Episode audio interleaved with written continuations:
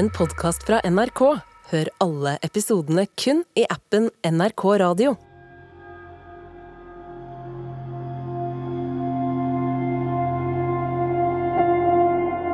Det skjer noe uforklarlig i en barnehage på Larm. Da begynte jeg å grine, for da, da, da tenkte jeg at nå er det nok. Kopper, nøkler og andre gjenstander fyker veggimellom. Dører som åpner seg og lukker seg mens vi ser på. Du blir livredd, altså. Hva vil de oss? Hvorfor gjør de dette mot oss? Her må vi prøve å finne noen forklaringer. Det her er mysteriet om den hjemsøkte barnehagen. Jeg heter Kristi Hol. Reporter er Even Lusæter.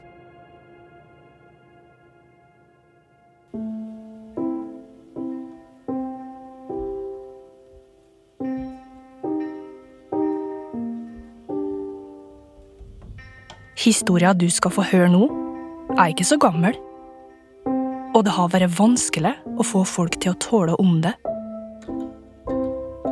Flere har takka nei til å være med. Og skal til Vågå kommune i Innlandet fylke. Til ei bygd som heter Lalm. Det er 2010. Lalm har et oppvekstsenter med skole og barnehage i samme bygget. Det er ganske nytt og moderne. Utafor er lekeplassen blitt utvida. Men det er noe som plager de ansatte i barnehagen.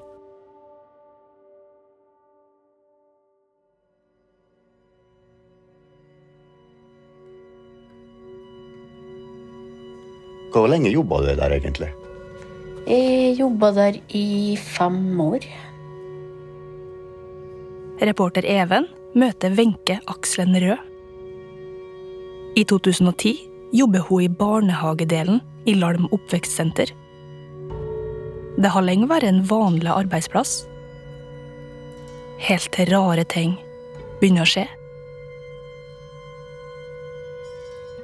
Det første jeg oppdaga, da Da gikk jeg med i bane, og så eh, Plutselig så datt en liten, litt eh, i gulvet med et brak.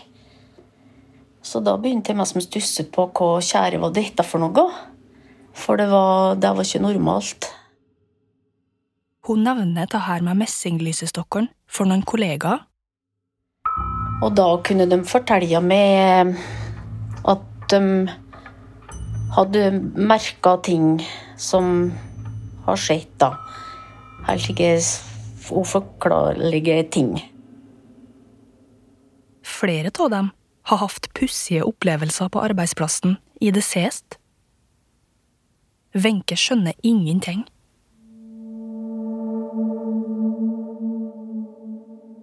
En gang da som jeg satt ved langbordet, enden på langbordet på kjøkkenet, og mata en unge, så skimta jeg meg som en skugge på venstre sida mi, så jeg snur meg og stirrer, da. Og da kommer det dalende ti slike halvstore perler som vi har i barnehagen, og rett ned i gulvet med en enormt slik smell da.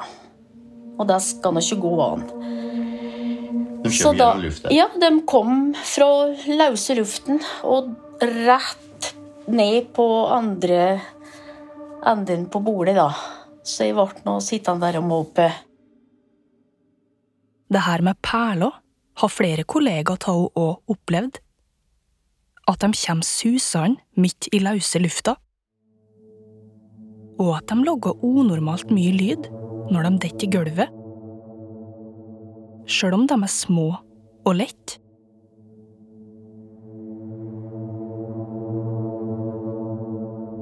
Tinga som skjer, blir mer og mer bisarr. En annen gang da, som jeg hadde ansvaret for å rydde av og vaske bordet etter oss hadde spist, som ungene gikk ut, Så rydda jeg, og så vaska jeg bordet, og da vaska jeg vel. Og så gikk jeg ut. Og så gikk det ikke lenge, da ropte de på meg. Og så gikk han inn, da. Trodde jeg gjorde noe galt. Men da var det om å gjøre om jeg hadde vaska bordet. Ja, sier da hei. Ja, da skulle jeg komme og se, og da var det ligget en fin, bein trikant med mjølk på bordet. Flere ansatte samler seg rundt langbordet der ungene akkurat har ete. De ser ned på bordflata, som er helt ren, bortsett fra ett område, der noen har logga en helt tydelig trekant. Tom melk. Alle ungene er ute.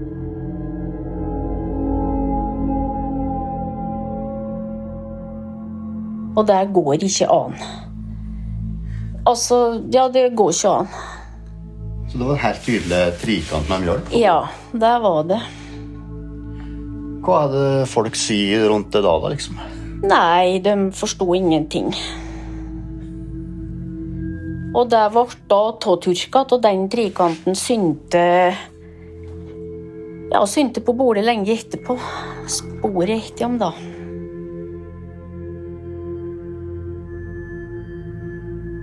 Flere av de ansatte skjønner at de må begynne å dokumentere tinga som skjer. De skaffer seg et kamera. Så de tok noen flere bilder, og det kameraet det lå til ei skuffe på kjøkkenet. Og plutselig en dag vi skulle se på det kameraet, da var det borte.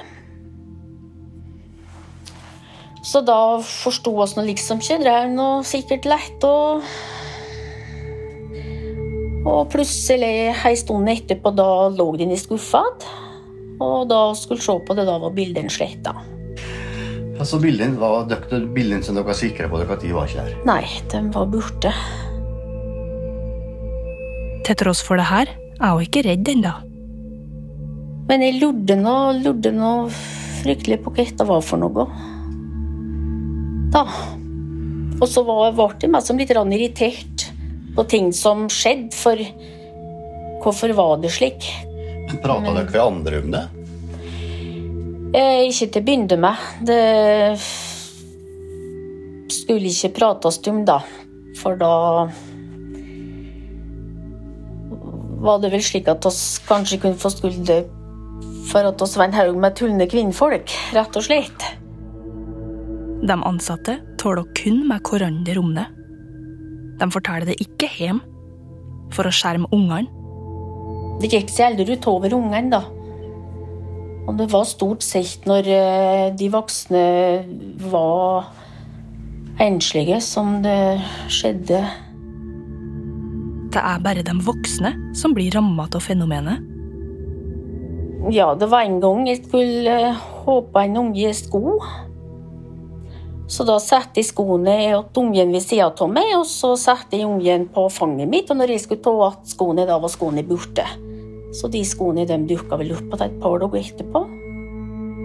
Sånt kan vel skje i en kaotisk barnehage? Eller? Wenche blir mer og mer usikker. Det ble noe som litt eh, nervepirrende, da, men vi måtte nå holde hodet kaldt òg, da. Det var det som var viktigst, å passe på ungene og Lista over rare ting som skjer i barnehagen, begynner å bli lang. Melk i trekant på bordet. Gjenstander som flyr gjennom lufta. Sko som forsvinner. Kamera som forsvinner og blir funnet igjen, tømt for innhold. En dag i småbarnsavdelinga kommer vendepunktet for Wenche. Da kom det susende en graderstokk fra helt borti sjå storbarnavdelinga. Så kom susende innom kjøkkenet og rett borti småbarnavdelingen der jeg sto. da. Så han landa rett framfor meg med et fryktelig smell i gulvet. Og da ble de bare stående, og da kjente de at de ble irritert. og så ble de antagelig litt paff. For da kom ei bortåt meg, da. Og tok rundt meg. Så da begynte jeg å grine, for da, da tenkte jeg at nå er det nok. 14 km unna sitter oppvekstsjefen i Vågå kommune på kontoret sitt på rådhuset. Kjell Nyhus. 67 år på dette tidspunktet. Altså, er, er det, hva- er første gangen du hører om disse episodene? Det er når eh, rektoren eh, forteller meg om en del uforklarlige ting som skjer i bygget. Inne på både skoledelen og barnehagedelen. Ting som jeg da hadde vanskelig for å forstå. Jeg skjønte det ikke, men jeg tok det alvorlig da. Når eh, rektoren kommer og forteller om slik. Han er sjef for barnehagene og skolene i Vågå kommune. Nå skal han få ei litt annerledes utfordring. Ja, hun fortalte blant annet om den gangen hun sjøl, rektoren, var på kontoret sitt og la nøklene sine på pulten. Og så driver hun borti ei bokhylle, og plutselig så smeller det i glasset. Og nøkkelen ligger under glasskarmen. Da har nøkkelen eh, på en eller annen måte fløyet fra pulten borti glasset og ned igjen på gulvet uten at hun har vært borti dem. Hun var engstelig inne på det rommet. De ansatte på oppvekstsenteret vet ikke hva de skal gjøre med problemet. Men Kjell Nyhus blir ikke så overraska over det her. Det minner han om noe han har hørt tidligere. Jeg hadde nok òg mange år tidligere fått en liten mistanke da to eldre renholdere kom på kontoret til forgjengeren min, som da var skolesjef, og eh, ba Pentum at de skulle få lov til å vaske i sammen. Og ikke være engstelige om kvelden når de vaska på skolen på Dalem. Og vaktmesteren hadde òg opplevd noe oppe i andre etasje på loftet da på skolen der, så Plutselig gir de to historiene mer mening. Han skjønner at det foregår noe rart på Larm.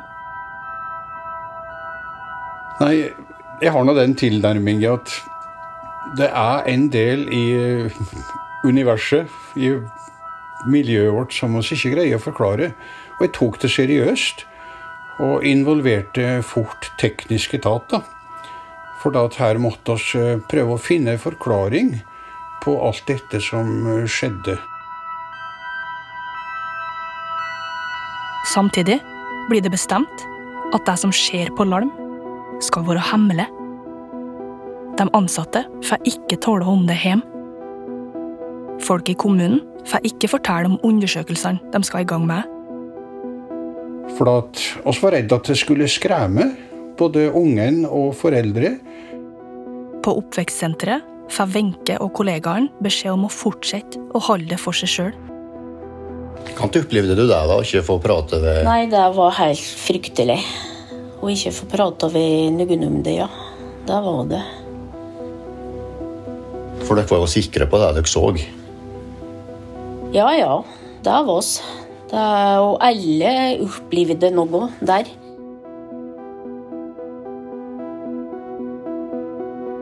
Kjell Nyhus og kommuneadministrasjonen setter i gang. Det må da finnes ei naturlig forklaring på fenomenet. Det er iallfall holdninga deres i starten. Nei, det første det var nå om det var magnetisme, jordstråling Altså et eller annet slikt teknisk. For eh, det er nå kjent at eh, det er slike krefter i jorden. Så dette med vasstilførsel, jordvassåro og slike ting ble eh, sjekka noe av det første som tekniske etater var involvert i. Men fant ikke noe eh, forklaring der. Men de gir seg ikke. Oss ønsket nå sjølve da, å prøve å finne en forklaring på dette her, før oss da gikk ut eh, offentlig. Rundt om i bygda sitter flere med lignende historier fra barnehagen. En av dem er Stig Joar Sanden, elektriker og brannmann. Hva er første gangen du opplever noe på Larm? Den første gangen jeg opplevde noe, det var når det på en måte ble eh, offentlig kjent. Vi må skru klokka tilbake et par år, til da barnehagedelen blir bygd. Stig Joar er for seg sjøl en kveld på oppvekstsenteret. Da eh, drev jeg der og monterte adgangskontroll og låssystem på eh, en eh, nødutgangsdør som vender mot parkeringsplassen. Og klokka var vel halv ni kanskje en kveld, og som jeg drev der helt enslig. Visste jeg var enslig her. Bygget Resten av bygget skulle være lest, og jeg drev i i døråpningen og monterte lås og, og adgangskontroll. Så hører jeg at hoveddøra blir eh, åpna. Leste opp og åpna, og at det kommer folk gående inn. Jeg går eh, mot eh, det rommet for å se hvem det er som kommer inn. Da hører jeg går fottrinn i gangen, men jeg ser ingen. Stussa litt på hva det var som kom på besøk hos meg da. da. Og da vet du at det ikke er folk der? Ja, det skulle ikke være folk der, i hvert fall av oss håndverkere. Og ikke noen annen. Og det rare er nå at jeg hører at døra går opp, og jeg hører det går folk i gangen som ikke jeg ser. Ble litt fortusta, da. Og han skal oppleve mer i barnehagen noen år senere. Er jo med i brannvesenet. Vi uh, har utrykning på alarm. alarmen som blir utløst der. Innbruddsalarmen blir utløst når noe i barnehagen beveger seg etter stengetid. Det er montert sensorer som plukker opp det her. Og i en periode utløses alarmen ofte. Uten at det er noe der. En kveld går alarmen igjen. Stig Joar og en kollega drar til Larm barnehage. Når vi står inne i gangen der, så eh, Det var ingenting. Eh, men når vi sto inne i gangen, så hører vi at det blir trykt på ljosbryteren. Og ljoset slår av rundt oss. Og vi sto og så eh, både ljosbryteren som det var mulig å trykke på. Så hvem som trykte på dem òg, det har vi ikke oversikt over. Men du er elektriker, og ja, hva tenker en elektriker når han står og ser at en ljosbryter blir trykt inn, og ingen gjør det? Nei, har ikke noen god forklaring jeg på det. Eh, elektrisk så er det vanskelig å forklare det, i hvert fall. For eh, det rare er at vi hørte mest sånn fysisk at det ble trykt på bryteren. Eh, og sto i gangarealet der med en bryter i hver ende, og så hører at en av dem ble trykt på. Du hører klikket i bryteren, og så blir det mørkt rundt oss. Så en dag rives døra opp til oppvekstsjefen Kjell Nyhus. Der står det en mann som er gift med en av de ansatte i barnehagen. Så husker jeg godt eh, hva han starta med. Hva er det dere driver med på Lalm? Det går på helsa løs for de ansatte, sier han. Så eh, jeg tok nå det selvsagt alvorlig. Oppvekstsjefen i Vågå kommune skjønner at han ikke kan fortsette å holde det hemmelig. Så eh, da var tidspunktet inne for å invitere foreldre og informere om det oss da visste på det tidspunktet. Det blir kalla inn til foreldremøte. Nå må Kjell Nyhus gange ut og fortelle om hva som har skjedd på oppvekstsenteret i det sist. Om undersøkelsene de har gjort, og at de ikke finner noen naturlig forklaring på fenomenet.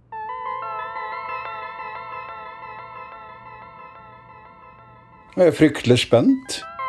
Nei, jeg frykta for at uh, de tok dette bare for å være tull og fanteri, og at oss var innbilske og overtruiske, og at oss ble møtt med den holdningen. Kvelden for foreldremøtet kommer. Nei, da sitter vi i det største rommet i skoledelen. Det er utrolig godt frammøte av både foreldre og mye skole og barnehage. Så er ofte og fortelle om alt som vi da i lag med personalet og rektor hadde opplevd, og det vi hadde gjort så langt. Men eh, jeg må gi foreldre all honnør. De tok det med fatning. Og eh, de begynte sjølve å prate om hva som skjedde hjemme hos seg. Det viser seg at flere av de frammøtte har opplevd lignende ting hjemme i sine egne hus. Flere deler sine historier i plenum. Om skap som flytter seg i stugge. Og det var flere hus på Larmø på den tida som hadde vært urolige, og som hadde vært renska. Så det var ikke bare skole og barnehage, det var andre hus som opplevde det samme. Møtet går bra. De blir tatt på alvor. Og de gikk så langt at de til og med fant på at de skulle kalle dette her uforklarlige Kasper. Slik at eh, de hadde noe å prate med ungene sine om når de kom hjem igjen. Så da ble det mye prat om en Kasper. Både i heimom og på skole og barnehage. Etter foreldremøtet blir fenomenet en skikkelig snakkis i bygda. Media hiver seg på.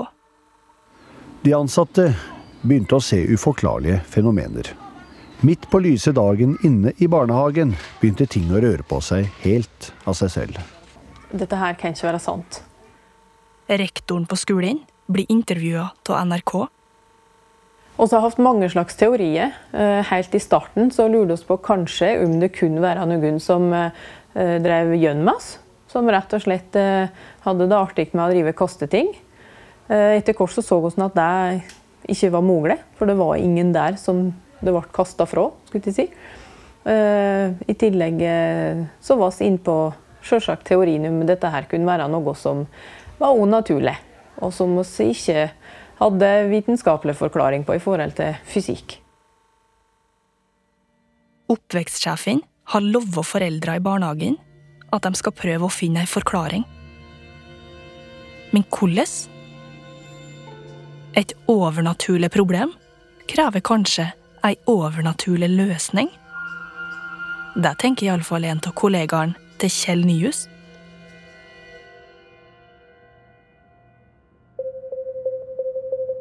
Han kjente til at eh, prosten i Sel, Skulland, hadde vært inne i bildet der det var slike urolige hus, og fått eh, roa. I nabokommunen Sel jobber en prost som har erfaring med litt og hvert. Han har nemlig jobba i Finnmark. Kommunen bestemmer seg for å kontakte han. Og det ble en litt spesiell stemning når Kjørsja, kirka, prosten, skulle inn i dette her. Det var ei eh, Ja, ei side som jeg liksom ikke hadde tenkt meg. Prosten heter Paul Skuland. Jeg kom som prest til uh, Hasvik i, på Sørøya i Finnmark i 99.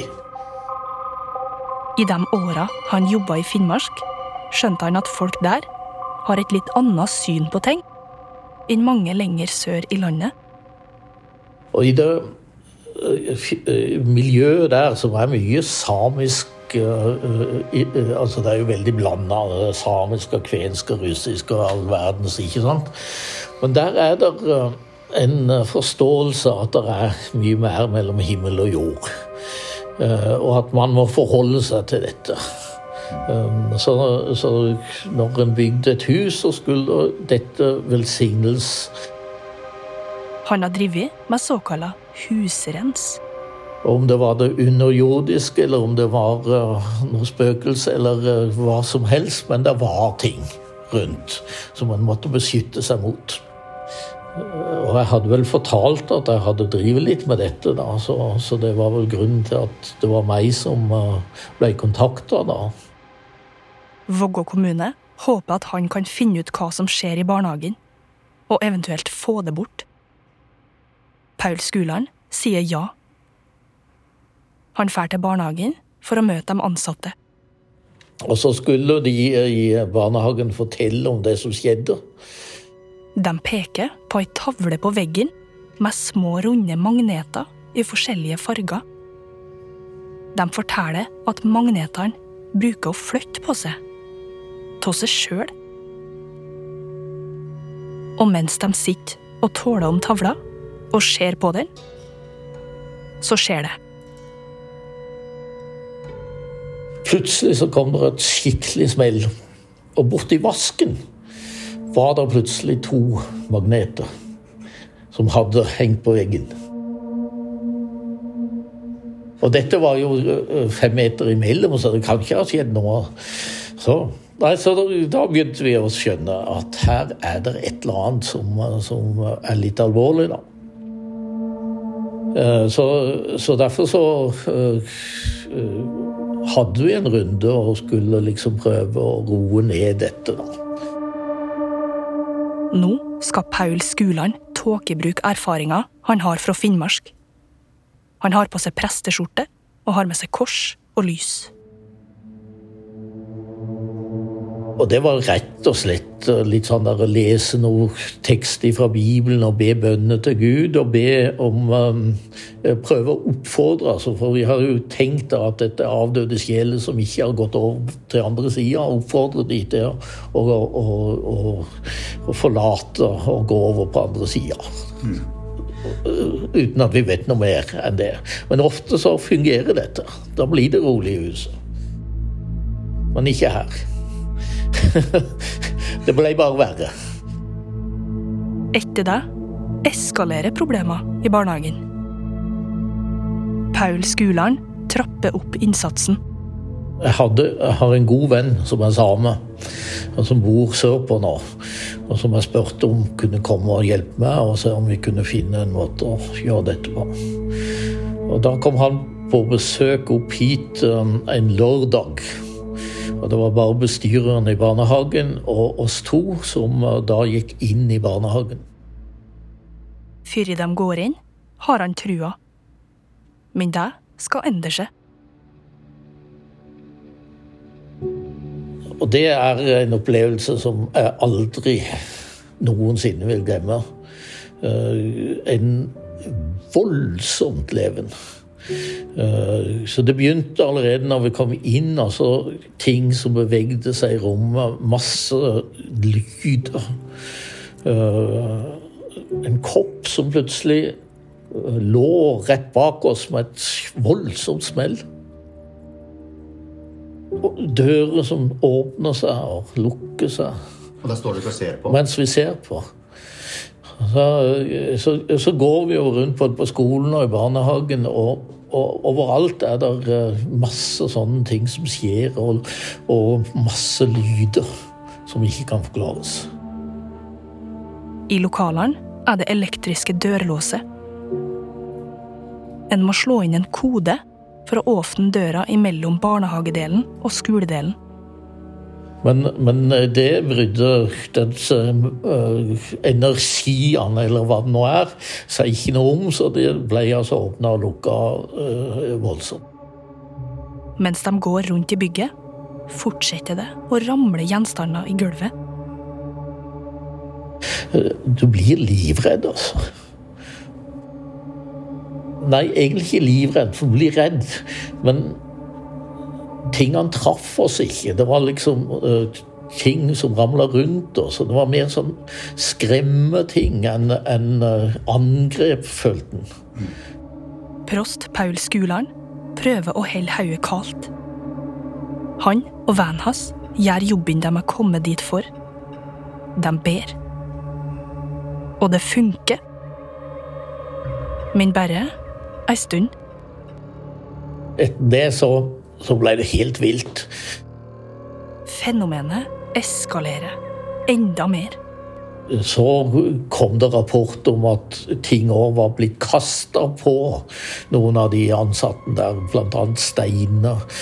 Og også svære altså skiftenøkler som hadde plutselig landa uh, i nærheten av folk, iallfall. Det vil si bare de voksne. For av en eller annen grunn så, så, så ungene slapp helt unna. Men da fikk vi jo litt sånn der um, Nå må vi få hjelp, da. Prossen lurer på hva som skal bli hans neste trekk. Han har jo allerede gjennomført husrens. To ganger. En gammel kollega i nord vet råd. Jeg hadde fått uh, høre fra min gamle biskop i, oppe i Tromsø. Det du må gjøre, er at du må finne noen som kan se hva det er. Uh, ellers får dere ikke gjort noe med det. Uh, og da, uh, etter mye om og men, så, så, fikk vi kontakt med en eldre mann fra Bodø som allerede på telefonen kunne se litt av hva det var, men som vi henta nedover. Det er en spesiell mann som kommer ned til Larm. Han kommer fra et læstadiansk kristent miljø i Bodø. Altså hvis, hvis ikke du hadde sett hva han hadde gjort, så vil du si at han var klin gæren. Eh, for han sa og gjorde ting som, som var helt uforståelig. Prosten, Paul Skuland, og et par fra kommunen tar imot mannen. De drar til barnehagen. Og så hadde han med seg en, eh, en, eh, en kleshenger. Som svarte han på spørsmål. Ja-nei-spørsmål. Altså ja når han gikk opp, og nei når han gikk ned. En av dem som er med på runden, er Kjell Nyhus, oppvekstsjefen. Det ble gjort en del ting der som forundra meg blant henne. Jeg må innrømme at det tok jeg ikke så seriøst. Jeg må være ærlig på det. Men prosten, Paul Skuland, han følger spent med. Bak seg har han to mislykka forsøk på å få fenomenet til å gi seg. Så sier plutselig mannen med kleshengeren at han vet hva det er og kom da med en historie om hva dette var. Og den var veldig konkret. Og så kommer historier som kan være forklaringa på alt. Eh, Fortellinga var rett og slett sånn at uh, før unionsoppløsninga for godt og vel 100 år siden så var det veldig følsomme tilstander mellom Sverige og Norge. Eh, og eh, akkurat i dette området så hadde det vært en trefning mellom noe svenske og norske soldat eller spion eller hva det nå var. Men det var iallfall en svensk som var blitt drept. Og så ville man holde dette hemmelig. Så han ble bare begravd der han uh, var uh, tatt livet av. Uh, og så ble dette bare gravd igjen og glemt på en eller annen måte. Soldaten skal angivelig ligge gravlagt en plass på uteområdet til oppvekstsenteret. Pga. at uh, når de pussa opp skolen, barnehagen, så utvida de uh, lekeplassen. Og så var det plassert en huske akkurat der som denne grava var. Og det var årsaken til at dette ble så urolig for, for, for den som da lå der. Og årsaken til at dette ble så ille. Mannen fra Bodø er helt tydelig på hva som må gjøres. Og da sier han det det dere nå må gjøre, er at dere må fjerne denne huska. Og så skal dere bare plante noen busker akkurat der, sånn at det blir øh, noenlunde fred bare rett over grava. Kommunen gjør som han sier. Kjell Nyhus. Det enda nå på den måten at det ble flyttet et lekeapparat ute på skoleplassen for der ble Martin har hevda at det kunne ligge noen levninger i, i bakka der. Og for at uh, det skulle bli ro i det området, så ble uh, jeg husker et lekeapparat flytta til et annet område. Men da er det rett og slett teknisk som går inn og flytter et lekeapparat? Ja da. Eh, teknisk var opptatt av at eh, i den grad de kunne bidra for å prøve å roe dette her uforklarlige, så skulle de gjøre sikt. Hva skjer så?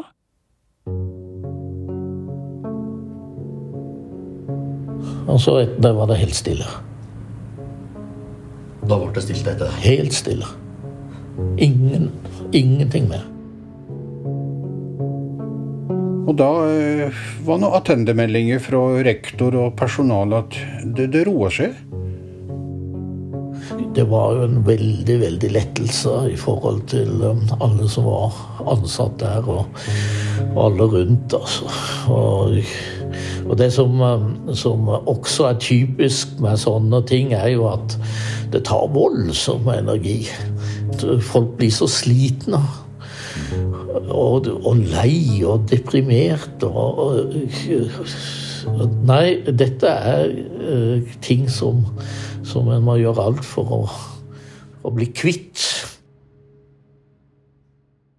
Var det virkelig en svensk soldat som gikk igjen i barnehagen? Den tidligere oppvekstsjefen i Vågå kommune, Kjell Nyhus, har prøvd å finne ut om det stemmer. Så vi prøvde å undersøke da, om Vågske kompani hadde hatt med seg krigsfange attendant Vågå, om det kunne være et eller annet på dalen som hadde skjedd. Men det var ingen som kunne fortelle oss noe slikt, iallfall. Det har gått over ti år siden koppene begynte å fyke veggimellom i barnehagen. Etter at mannen med kleshengeren la siste hånd på verket, roa det seg ned der, sier prosten. Men gjorde det egentlig det?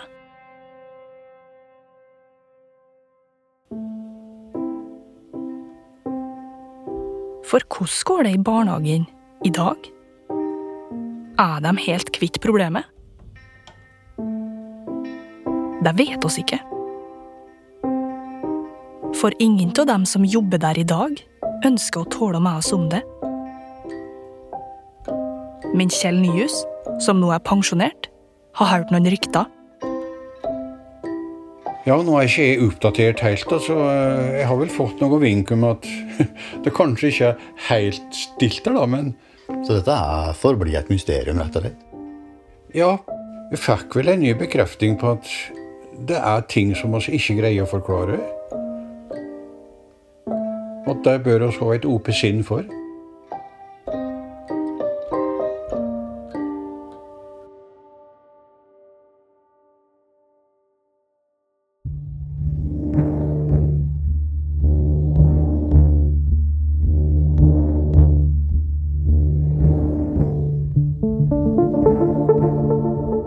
Hørt Mysterier fra Norge. Denne episoden er logget av meg, Kristi Hol, reporter Even Lusæter, produsent Agnete Daa Kvale Holmemo og lyddesigner Ingebjørg Hagerup. Vignetten er logget av Synkpoint. Redaktør er Merete Verstad. Vet du om et mysterium? Oss vil gjerne ha tips. Send det til mysterier, krøllalfa, nrk.no. Dette var den siste episoden i denne sesongen. Takk for at du har hørt på. Oss tålast.